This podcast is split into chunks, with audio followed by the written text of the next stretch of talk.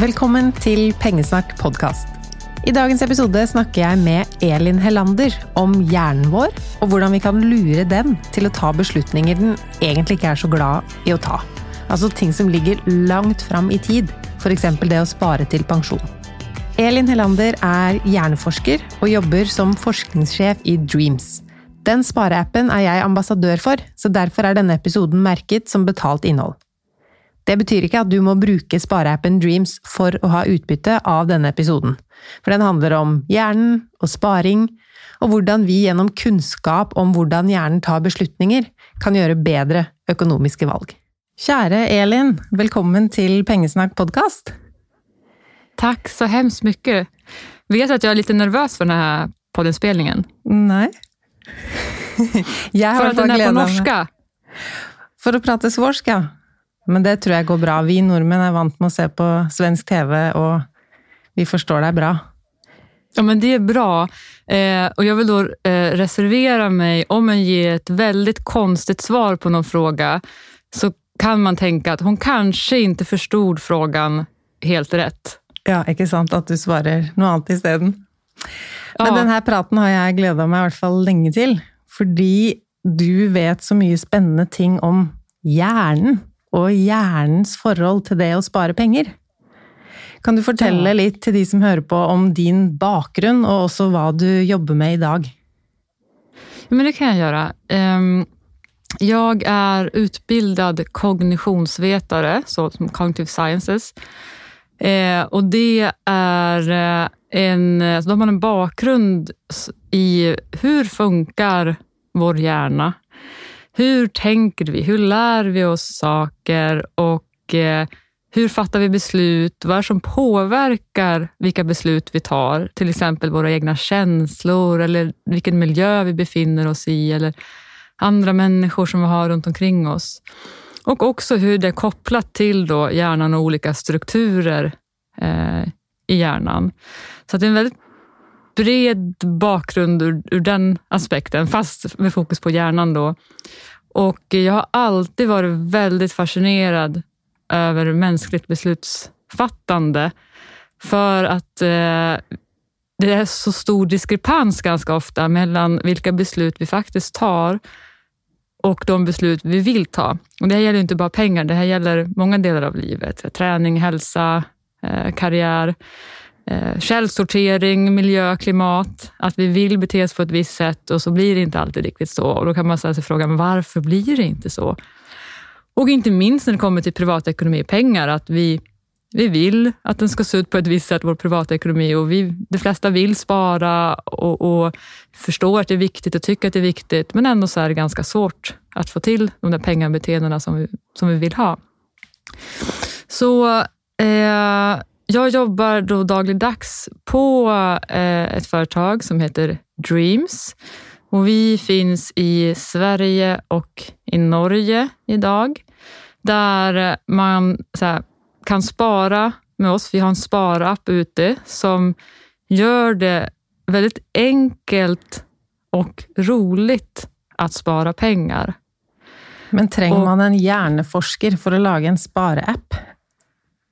Ja, ja. Eh, det behövs inte egentligen, men, men har man det så, så kan man göra det lite mer utefter hur hjärnan funkar och lite mer effektivt. Så att någonting som, som vi har lyckats med, som vi är väldigt stolta över, eh, är att många av våra kunder hör av sig till oss och är positivt överraskade för att de har sparat mer pengar eller betalat av sina lån hos oss eh, snabbare än vad de hade trott att de kunde.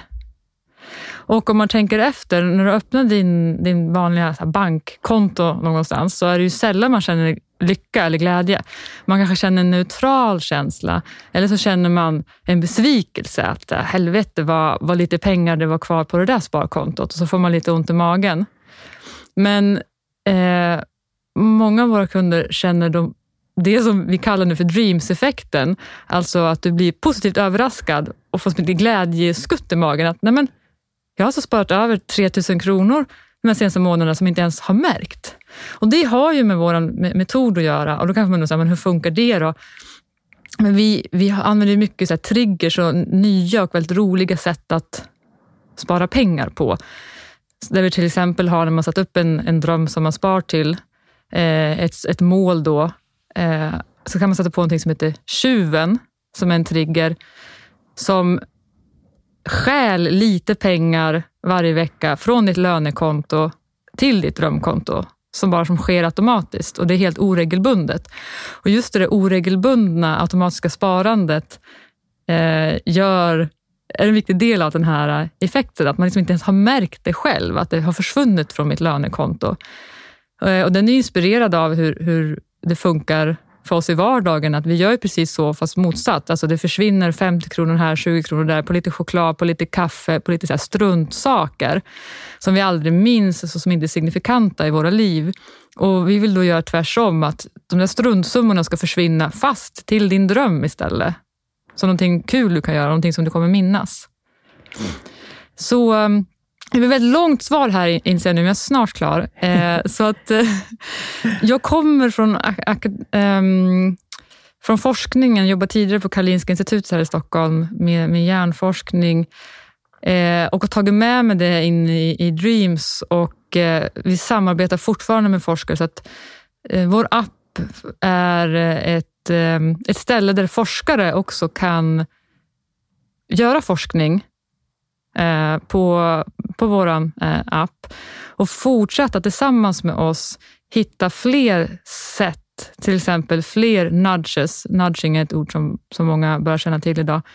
Hur vi kan hjälpa folk mot deras eh, långsiktiga eh, beslut. Eh, så att det är en stor del av vad jag gör i mitt eh, dagliga arbete. Ja, väldigt spännande. Men är det så att hjärnan vår alltid är på lag? Att hjärnan är skapt för att spara pengar? Nej. Nej. Alltså, jag tycker att vi pratar ganska sällan om eh, vad pengar egentligen är. Om man skulle fråga människor och gå ut på stan, tror jag, så här, vad, vad är pengar? Och ska behöva svara snabbt, så skulle man få lika många olika svar som, som människor man, man frågar. Så pengar är ju en, en social konstruktion, någonting som vi människor har hittat på att eh, vi använder som bytesmedel för att byta tjänster och varor och tid med, med varandra. Och pengar finns ju bara och funkar ju bara så länge vi är överens om den överenskommelsen. Att de här sedlarna eller nu siffrorna på våra konton faktiskt har ett värde och att jag hela tiden kan byta det värdet mot någonting annat. Och Det jag vill säga med det är ju att pengar i all ära, men det är ju ett hittepå som vi har byggt i vårt samhälle, ett ekonomiskt system, eh, för att göra det lätt för oss att, eh, för att samarbeta helt enkelt och, och sköta eh, handel med varandra. Och ehm, det finns ingen del i vår hjärna som är utvecklad speciellt för att hantera pengar. Och Det är det som gör att det ganska ofta alltså går stick i, vår hjärna går stick i stäv med egentligen vad det vad det handlar om att spara pengar. För sparande handlar ju om att tänka på framtiden, inte bara tänka här och nu. Den handlar om att skjuta på belöningar.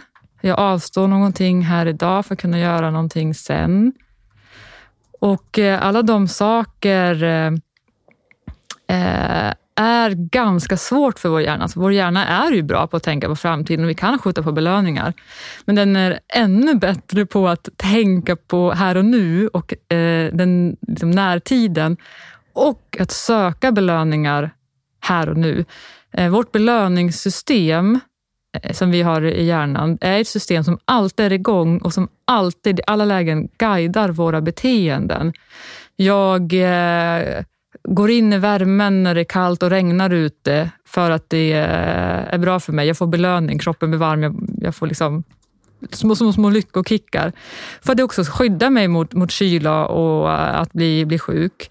Jag får belöningar när jag äter, när man kramas med andra människor, när vi socialiserar.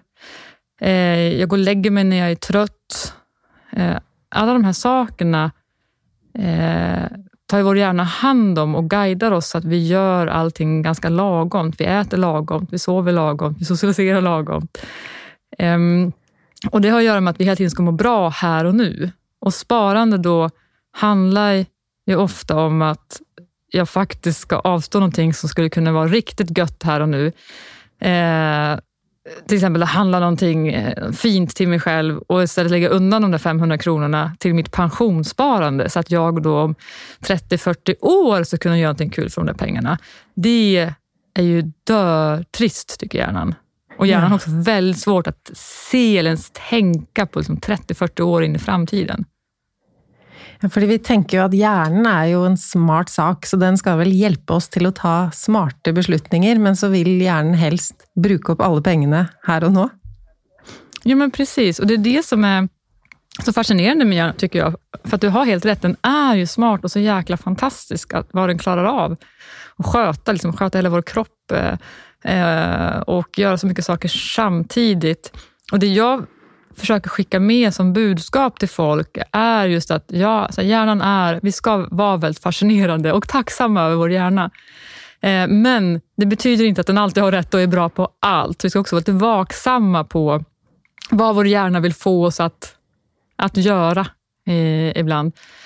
Eh, och inte känna så stor skuld och skam. Många känner skuld och skam när de tänker på sin egna privatekonomi. Att man vet att man kunde ha gjort lite bättre man känner sig lite dålig, man kanske känner sig osäker. att ja, vadå pensionsspara? Ska jag ha något eget pensionssparande? Jag har massa lån också som jag borde betala av och allting bara känns lite allmänt jobbigt. Eh, att säga, men ha inte för mycket skuld och skam, utan jag vill att fler ska känna att här, det är jättevanligt att känna eh, lite ont i magen när man tänker på sin privatekonomi. Och det är helt okej. Okay. Så att det är inte dig det är fel på. Jag skulle vilja säga att eh, vi lever i en tuff värld, en tuff miljö där det finns väldigt stora, starka krafter som lägger miljontals pengar på att få oss att konsumera, som lägger pengar på att få oss att tänka kortsiktigt och leva väldigt mycket i nuet. Så att det är svårt, inte bara på grund av hur vår hjärna är konstruerad, utan också eh, på grund av eh, hur miljön runt omkring oss ser ut försöker också få oss att vara kortsiktiga. Ta all reklam till exempel. Skjuta på betalning, alltså köp nu och delbetala, betala senare. Allt det där eh, förstärker de svagheter som vi redan har i hjärnan. Ja. Så om vi ska klara att ta någon bättre beslutningar, så tränger vi att du lär oss lite. För det är ju olika beslutningar som till slut är viktig i vår privatekonomi, om vi ska ta de riktiga avgörelserna för oss. Men hur tar hjärnan beslutningar? Mm, hvordan, vad är det? Eh, hur? Hur? Ja. Hur hjärnan fattar beslut? Ja. Mm, men jättebra fråga och ganska alltså, uh, bred fråga. Jag kan ge lite jag kan börja med att ge lite så konkreta exempel. Eh, när vi eh, fattar beslut, till exempel ett, ett konsumtionsbeslut. Eh, jag, jag, ser en vara, den har ett pris. Hur vet jag om det där priset är ett bra pris på varan eller inte? Är det ett högt pris eller ett lågt pris? Det är jättesvårt eh, för oss att veta. Och Det vi gör då är att vi jämför alla priser på saker och ting med eh, andra priser. Jag går in i en cykelbutik då, till exempel, ett exempel som jag ger i, i min bok eh, Lura hjärnan att spara. Eh, och ska köpa en cykel och eh, där så ser jag massa cyklar som står uppradade och de kostar 23 000 kronor, det är 17 000 kronor, det är 12 000 kronor. Och då när jag hittar hittar min cykel som jag vill ha som kostar 6 halvt så känns ju det väldigt billigt för en cykel gentemot vad de andra cyklarna kostar. Men jag vet också att innan jag gick in i den butiken så hade jag satt som en budget att jag skulle köpa en cykel för ungefär 5 000 kronor. Så jag köpte ju en dyrare cykel än vad jag hade tänkt. Men jag var ju jättenöjd för att jag har blivit påverkad då alla de här priserna runt omkring mig. Det här kallas ju för anchoring effect. Alltså vi ankrar upp eh, information mot annan information. Reapriser är ett jättekonkret exempel. okej, okay, den här saken har kostat 700 kronor, nu kostar den bara 400 kronor. Jättebra pris, känner jag då. Jag spar pengar om jag köper den och så blir vi mer benägna eh, att köpa det. Så att vi eh, påverkas väldigt mycket av så saker runt omkring oss, vilket betyder ganska lätt att påverka vårt beslutsfattande. Um, och um, jag ska se om jag kommer på något mer exempel, men måste, ett annat ganska känt exempel som man ser från eh, studier är att eh, jag frågar dig, vill du ha 100 kronor idag? Mm. Eller vill du ha 110 kronor nästa vecka? Då säger de flesta människor, men jag tar 100 kronor idag. Det är liksom inte värt att vänta, och vänta en vecka. på en tier. Nej, jag tror jag hade väntat, men så är jag ju extremt glad att spara. ja, men vissa, vissa väljer det, men, men majoriteten väljer att inte, eh, inte vänta. Men det som är det, det trixiga här, eh, det roliga, är att om jag sen frågar samma personer igen, om ett år så får du 100 kronor av mig. Men du kan också välja att vänta ett år och en vecka. Då får du 110 kronor. Så det är ja. samma erbjudande eh, som du fick nyss, att du kan välja att få en liten högre summa om du väntar en vecka längre. Bara skillnaden är att allt är förskjutet ett år. Och där så blir folk mer benägna att välja, där kan de vänta en vecka till. Så där, där ändrar man sitt beslutsfattande för att den här belöningen, då, att få 100 kronor, eh, den är redan så långt borta i framtiden och känns så abstrakt. Och Då spelar det ingen roll, då kan vi lika gärna vänta lite längre. Men när jag erbjuder dig att du kan få pengarna redan idag, då kickar liksom vår kortsiktighet in och då blir vi så himla glada. Ja, det är klart jag vill ha det nu och inte vänta en vecka för en liten summa till. Så det är också ett exempel som visar men på hur vi fattar olika beslut beroende på hur frågan är, är formulerad. Och eh, om jag ska gå in då på, på lösningar, men okej, okay, men hur, hur kan jag fixa eh, det här då? Ja, för alla dessa tankefellene som du skriver om i boken, kan vi bruka dem på en positiv måte, och klarar vi liksom att lura hjärnan tillbaka? Ja, eh, man kan använda vissa av dem för att eh, lura oss tillbaka. Eh, steg nummer ett skulle jag säga är att vara medveten om de här sakerna, för det skyddar oss lite grann. Att jag vet mm. att det här ändå händer. Sen är det fortfarande svårt att gå man in i en butik och ja, man blir ju påverkad av priser och rea och så. Men någonting som jag gör personligen i mitt liv är att jag går inte ens in i butiker om jag inte ska handla någonting. Jag undviker rea om det inte är någonting jag behöver. För att jag vet att när jag väl går in där, då, då blir jag så frestad. Mm. Så att, att, ha kunskap om den här saken är ett, ett första steg, att, eh, att skydda sig själv lite grann. Sen kan du använda eh, det här till din fördel och det är ju alltså de här tankefällorna. Eh, att, ett exempel som vi gör i appen, i Dreams-appen, är att du kan spara tillsammans med andra och eh, ha som en gruppdröm. Och Det som händer då är att, jag, eh, att, du, att vi använder sociala normer, alltså grupptryck. Att jag ser vad andra gör, att de spar. Så jag sätter upp en, en dröm tillsammans. Vi ska, vi ska, jag och min sambo ska resa till eh, eh fjällen nästa vinter. Och så spar vi ihop och vi kan se varandras sparande. Så varje gång han chippar in lite pengar så får jag en notis och jag ser det.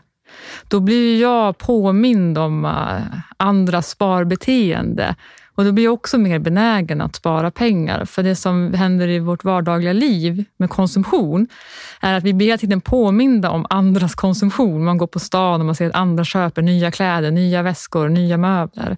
Och Det gör också att vi blir frestade eh, att konsumera. Så vi har försökt vänt på det, att, att du ska liksom bli frestad att, att spara. Och eh, arbeta med att göra sparandet belönande. Eh, så att det är sparande eh, eller om du till exempel eh, betalar av skulder.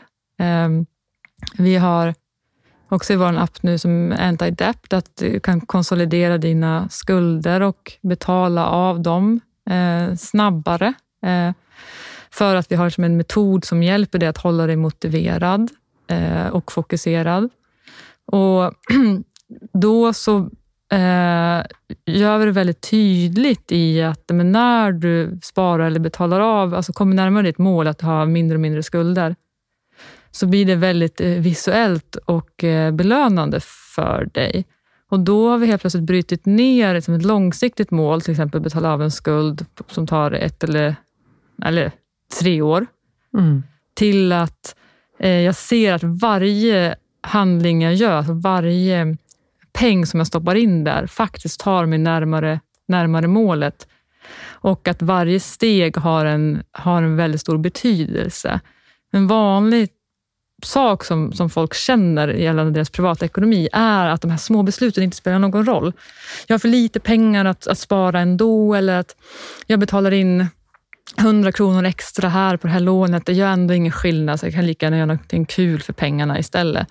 Och, och det kallas för accumulation bias, att vi har svårt att se att små summor ackumulerar över tid och blir faktiskt en signifikant eh, summa. Och Den försöker vi också hjälpa folk med att, att förstå och känna eh, den, att de här små, små besluten som sker väldigt ofta har en stor betydelse.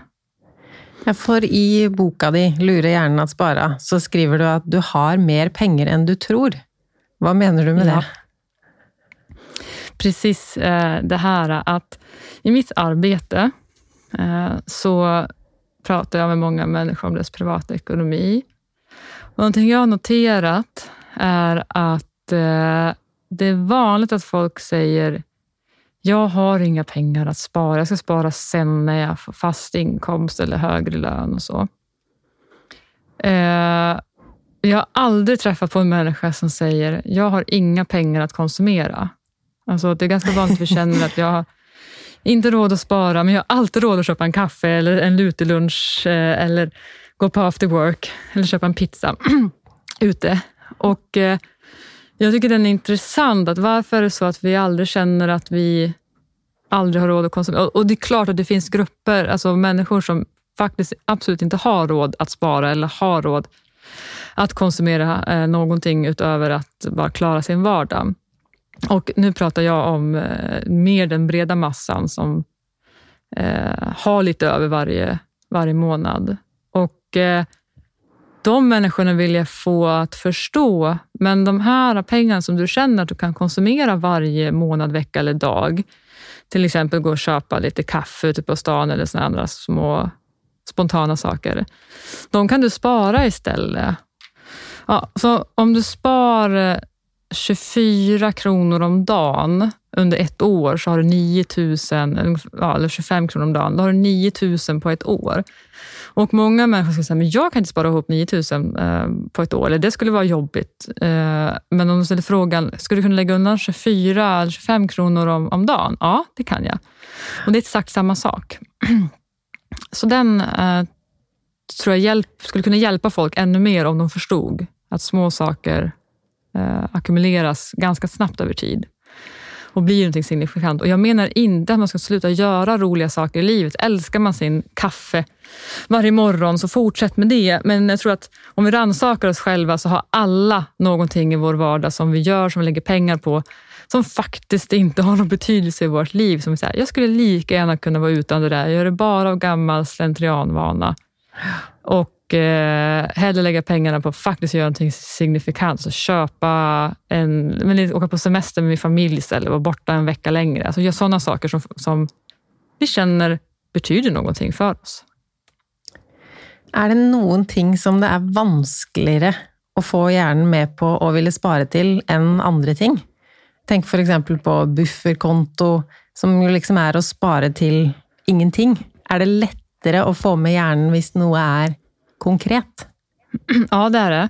För när det blir eh, konkret så... Mm, eh, Det tar jag också upp i boken en hel del. Alltså att då kan vi visualisera det mer.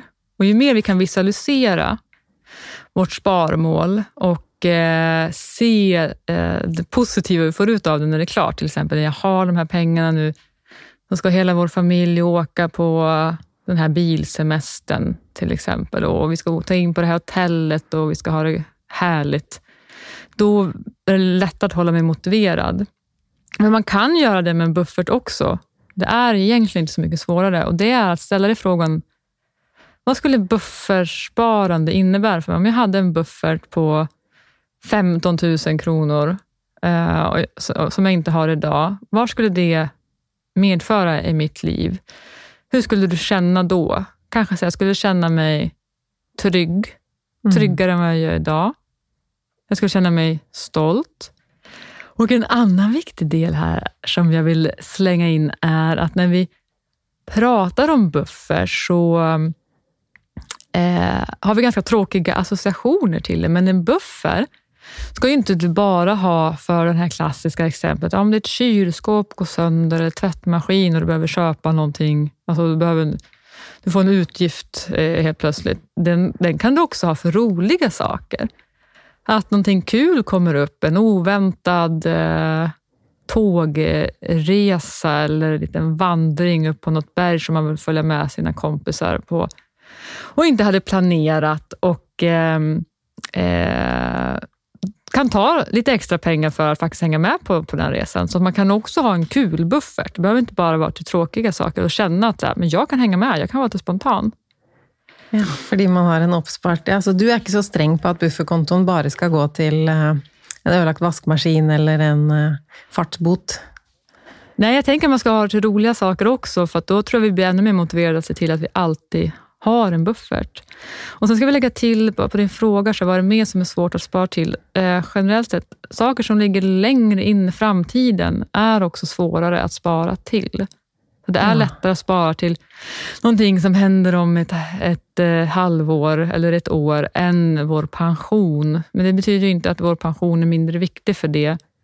Så där behövs det lite mer eh, kraft för att hålla oss motiverade. Och där skulle mitt bästa tips bara vara att sätta ner en gång eh, och sätt, fixa ett automatiskt överförande till eh, ett långsiktigt sparande i, i någon eller ett par fonder.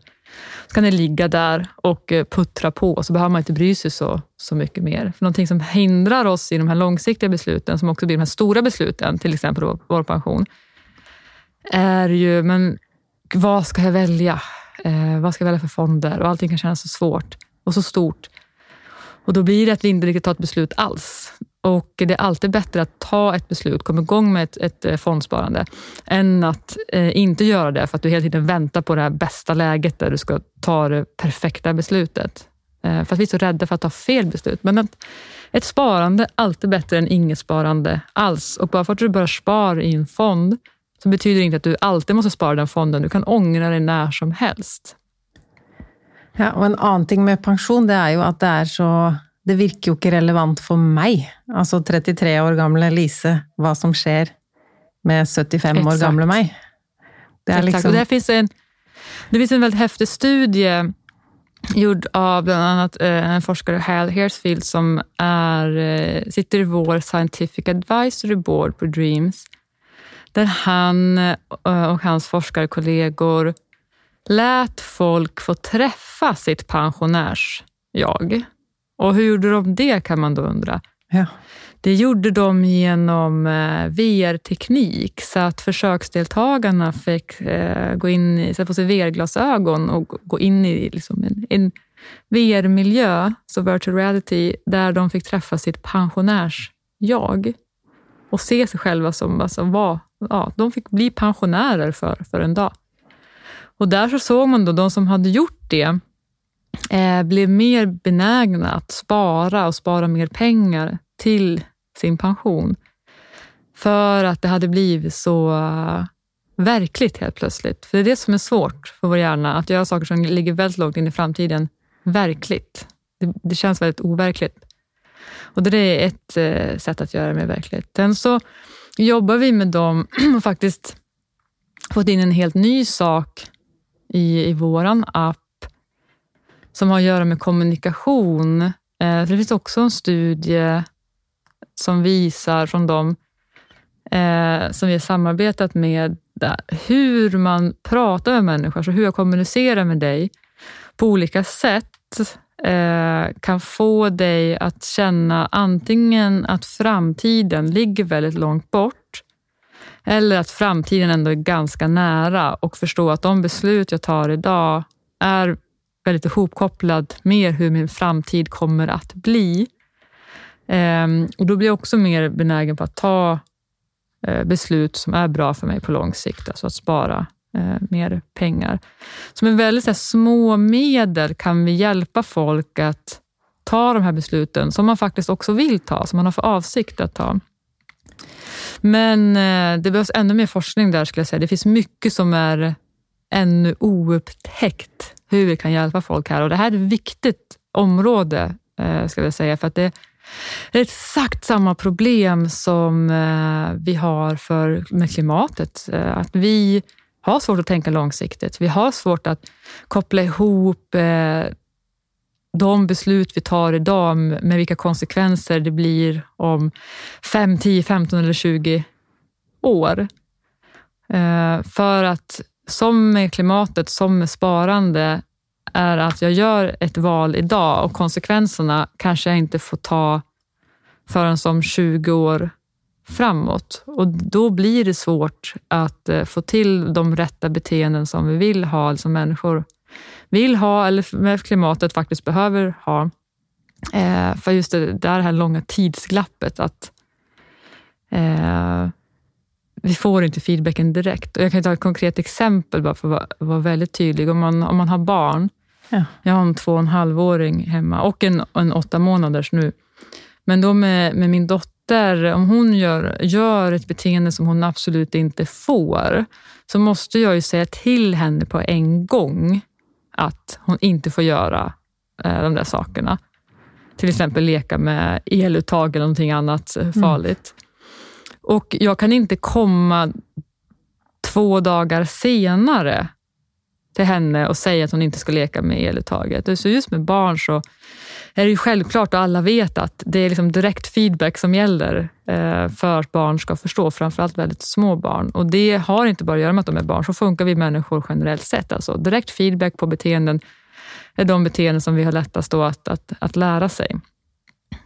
Så vad ska jag göra då? Om jag egentligen har lust till att börja spara till pension, eh, men så klarar jag inte helt att se det för mig eller bli motiverad till det. Jag har inte några VR-briller för att möta mig själv som pensionist.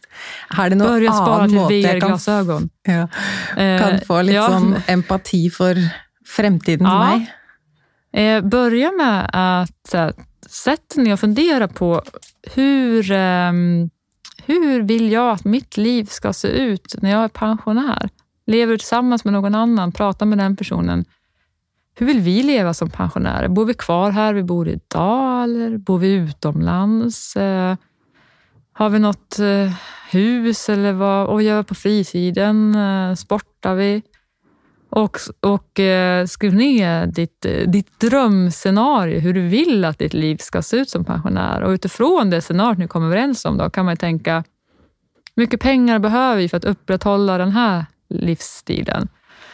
Och ehm, eh, liksom uppskatta det. Så kan man kolla på men hur mycket behöver vi då i, i pension. Och så här, ja, men vi kanske vill, behöver lite mer extra sparande till pensionen så att vi ska kunna ha det så här göttigt som vi vill ha det.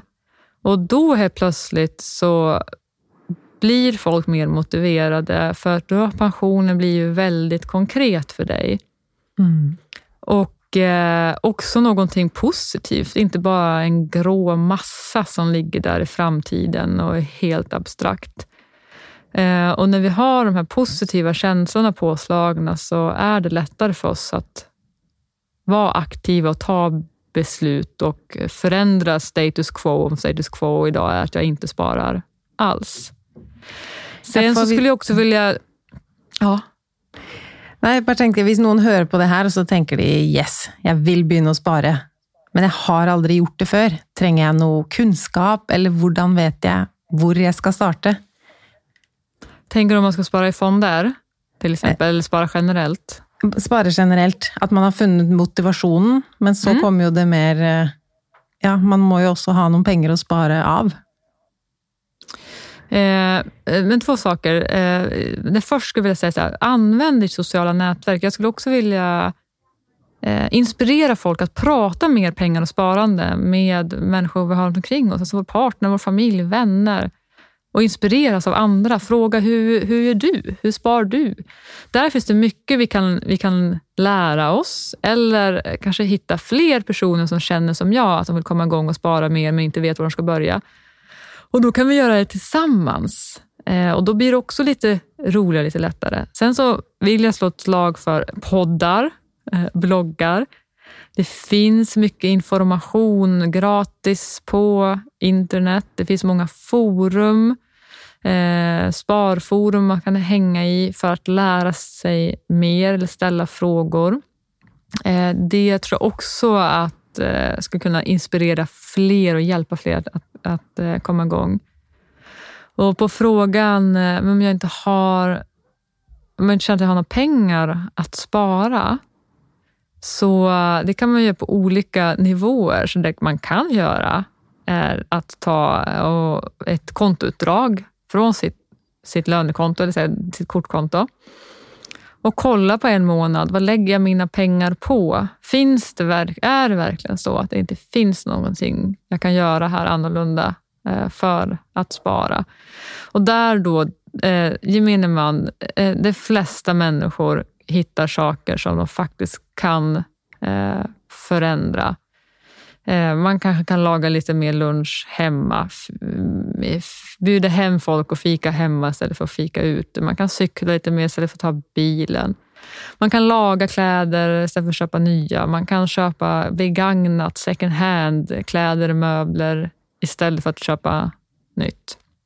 Eh, och då vill jag återigen bara poängtera att jag tycker inte att man ska sluta leva och göra allting som man tycker är roligt i livet. Men just, just hitta de här sakerna som eh, faktiskt inte är så viktiga för mig. Jag kan ge ett konkret exempel ur mitt egna liv.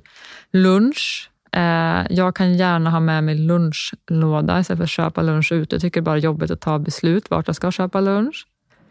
Eh, handlar mycket begagnat. Jag älskar att gå på second hand-butiker, eh, köpa second hand-kläder. Eh, eller inte köpa kläder alls också jävligt skönt, om man faktiskt inte behöver. Att bara ta bort det, de besluten. Och jag cyklar istället för att åka kommunalt. Där sparar jag också in en hel del pengar i min vardag. Och Sen så har jag saker som jag tycker är roligt, som är viktiga för mig. Och Det är till exempel så här, man går på spa någon gång då och då. Det är ju ett exempel på en utgift som man verkligen inte behöver. Man kan överleva utan den. Men där, den ger lite extra guldkant i mitt liv och jag gör gärna det. För det handlar inte om att vi ska sluta leva, utan bara själva bestämma vad vill jag lägga mina pengar på eller inte lägga mina pengar på. Och, jag, och, inte att andra ska bestämma det åt oss. Och vad menar jag då med andra? Men till exempel reklam som påverkar oss. Eller bra dealer, reapriser ska bestämma vad jag lägger mina pengar på eller inte. Jag har hört dig säga en gång att grunden till att vi är lite dåliga på att nå våra mål, eller om vi sätter upp ett nyttårsforsett och så går det dåligt ganska fort, för vi egentligen sätter upp, om vi har liksom planlagt att ja, jag ska spara 20 000 kronor för jul, så är det egentligen fel måte att sätta mål på. Att vi må hellre säga jag ska smöra matpakke varje dag fram till jul, eller att vi måste fokusera mer på vad vi måste göra för att nå målet, än att sätta upp målet bara i kronor och öre. Exakt. Vi ehm, fokuserar för mycket på slutmålet. Precis som du säger, att det här summan jag ska ihop eh, fått ihop till det här datumet. Och så är vi nöjda med att, eh, att vi har satt det målet och vi lägger alldeles för lite tid på huret. Ja, men hur då? Hur ska jag få ihop de här 20 000 kronorna? Vad betyder det eh, för mig på en daglig basis? som kanske är att ja, men det betyder att jag på söndagar nu ska stå och laga matlådor för veckan istället för att ligga och kolla på Netflix-serier. Det är det som är det som gör att jag kommer kunna spara ihop de här pengarna.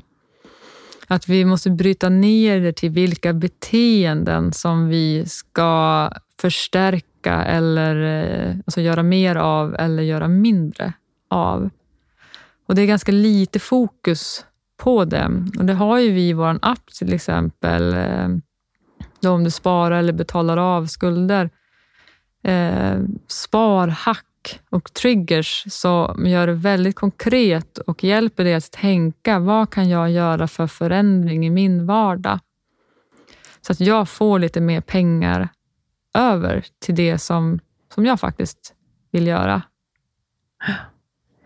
Och det sista temat jag vill snacka med dig om, det är det med ekonomisk självkänsla. Eller självförtroende, ja. som det heter på svensk. Tack för förtydligandet. Jag, jag, jag, jag, jag chansade. Ja, och den, ekonomiskt självförtroende, är så jävla viktig för att någonting som eh, vi alla behöver förstå, då menar jag nog inte främst egentligen oss privatpersoner, utan mer branschen. Eh, vi som finns som finansiella aktörer och ska hjälpa folk med deras sparande, vi har ett enormt stort ansvar för att alla har en privatekonomi. Det är ingenting du kan välja att ha eller välja bort. Som att, nej men jag, vill inte, jag vill inte ha någon privatekonomi. Vi är tvungna att ha en privatekonomi. Och eftersom alla är tvungna att ha det så är det också väldigt viktigt att alla får en schysst, en god chans att eh, få till en bra privatekonomi. Då är det viktigt att alla har de förutsättningarna som det krävs. Så vad är det då för förutsättningar? Jag menar, jo, men en är ju eh, kunskap. Eh, så kunskap, utbildning, förstå vissa termer, vad de betyder. Och också självförtroende. Alltså jag måste ju känna att jag har rätt förutsättningar för att ta ekonomiska beslut. Och där är det också ganska vanligt att folk inte känner att de är rädda för att ta ekonomiska beslut. Och Det är det som gör att jag eh, kanske inte kommer igång med sparande och framförallt inte i fond för att jag är så rädd för att ta fel beslut. Och, och mm, det, det är ett jättestort problem, skulle jag säga, att folk inte känner sig trygga i att ta hand om sin egen privatekonomi när det är någonting som du är tvungen att ha. Det är saker du är tvungen att handskas med.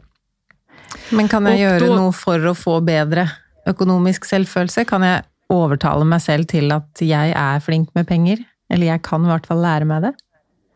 Ja, till viss del, ja. Absolut, man kan förändra det. Och Det här är lite lurigt om man kollar på forskningsläget. Så eh, är så att att utbilda folk, att jag lär dig olika här, fakta och kunskap om, som har att göra med sparande och pengar. Det kan man ju tänka sig, är inte det bra? Jo, det är bra, men det är inte riktigt så enkelt. För först och främst är det men vilken kunskap ska jag ge till vilka människor? Alla behöver olika kunskap, för vi befinner oss på olika ställen i livet och vi har olika kunskap redan med oss hemifrån eller från skolan. Och man har också sett att kunskap kan till och med sänka självförtroendet för vissa personer. För ju mer du lär dig, ju mer inser du också att du inte kan. Lite som när man går i skolan eller som när man börjar på universitet tyckte jag att alltså, nu ska jag lära mig en massa saker. Och det gjorde man också, men man lärde sig också vad mycket man inte har hunnit lärt sig, vad mycket som finns där ute att lära sig. Och då kan man folk få sänkt självförtroende. Så um, det det handlar om, alltså utöver att kunskap alltid är bra, men det är inte hela vägen framåt för att våga ta eh, fler eh, ekonomiska beslut eller att söka information. Eh, du behöver självförtroende och det får du genom att börja göra och att börja göra um, saker som passar dig att komma igång med sparande, alltså ta de här äh, små stegen lite granna varje dag och bygga upp äh, självförtroende över tid. Eh, ett vanligt eh, fel som vi gör när vi sätter upp mål generellt sett, men och pengamål, det är att vi börjar för stort. Man tänker sig nu jävlar ska jag spara och 10 000 i månaden eller 8 000 i månaden. Jag ska eh, bara äta gröt Eh, och cykla och så. Och eh, på ett år ska jag få ihop eh, så här mycket pengar. Och Det som händer är att folk tröttnar för fort. Och de lyckas inte med sina mål och det kan till och med vara så att man då känner att det här med sparande, det var ingenting för mig. För jag klarar inte av det. Så det bästa är att börja smått. Varför jag ska så spara lite mer den här månaden eller vad jag har gjort tidigare månader. Har jag aldrig sparat hela mitt liv så kanske ett bra mål är att jag ska spara lite granna varje månad under ett års tid. Ja. Och vad summan är, är kanske mindre viktigt och den kommer variera från månad till månad. Grejen är att jag ska spara någonting varje månad. Eh, eller varje vecka eller varje dag. Eh, sparande behöver inte heller ske månadsvis. Det är också lite svårare. Att mer att tänka varje dag. Bara chippar över 20 kronor, 10 kronor, 50 kronor till, eh, mitt, till min dröm. Och då bygga självförtroende. Säga, men kolla, nu har jag klarat mig i tre månader jag kan ju det här. Smart. Wow, väldigt mycket läring. Tusen tack för att du tog dig tid till eh, mig och pengesnacklytterne idag. Mycket att tänka på. Men tack själv. Ja. Mm. Tack själv.